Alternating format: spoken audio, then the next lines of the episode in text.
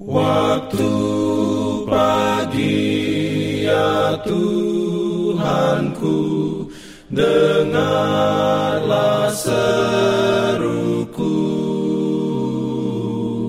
Melayang doa yang sungguh Memandang padamu. Selamat pagi pendengar Radio Advent Suara Pengharapan Mari mendengarkan suara Tuhan melalui tulisan pena inspirasi menjadi putra dan putri Allah. Renungan harian 15 November dengan judul Bajaklah Tanah Kosong. Ayat inti diambil dari Hosea 10 ayat 12. Firman Tuhan berbunyi, Menaburlah bagimu sesuai dengan keadilan, menuailah menurut kasih setia bukalah bagimu tanah baru, sebab sudah waktunya untuk mencari Tuhan, sampai Ia datang dan menghujani kamu dengan keadilan. Diberikannya perlindungan dalam pimpinannya. Urayanya sebagai berikut. Prinsip-prinsip kebenaran harus terjalin dengan karakter dan kehidupan kita. Kita harus menghargai setiap sinar terang yang menyinari jalan kita dan hidup sesuai tuntutan Allah. Kita harus tumbuh dalam kerohanian. Kita kehilangan banyak berkat karena kita tidak mengambil langkah maju dalam kehidupan Kristen. Para anggota gereja Kristus harus mengumpulkan sinar terang ilahi dari Yesus dan memantulkannya kepada orang lain meninggalkan jejak yang terang ke arah surga di dunia.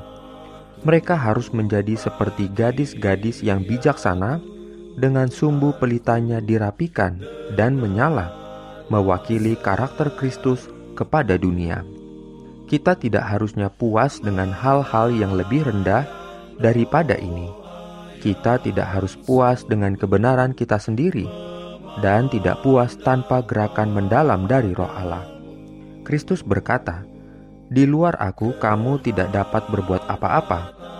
Ini menandakan kehampaan, begitu nyata dalam kehidupan banyak orang, yang membuat kita khawatir karena kita tahu bahwa ini adalah bukti bahwa mereka belum merasakan kuasa pertobatan Kristus di hati mereka.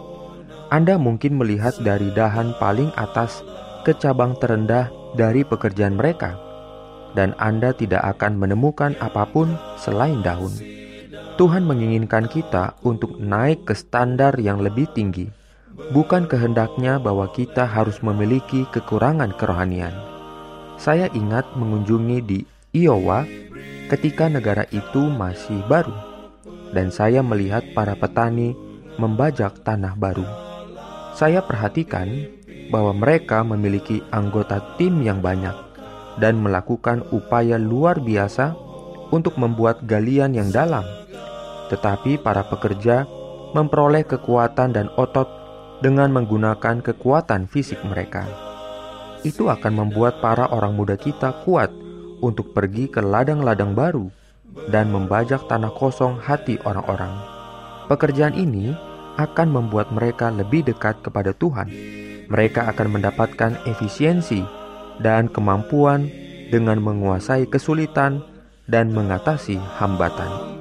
Amin. Pimpin aku ya roh Allah dalam kebenaran. Jangan lupa untuk melanjutkan bacaan Alkitab sedunia. Percayalah kepada nabi-nabinya yang untuk hari ini melanjutkan dari buku Titus pasal 1. Selamat beraktivitas hari ini. Tuhan memberkati kita semua. Jalan keselamatan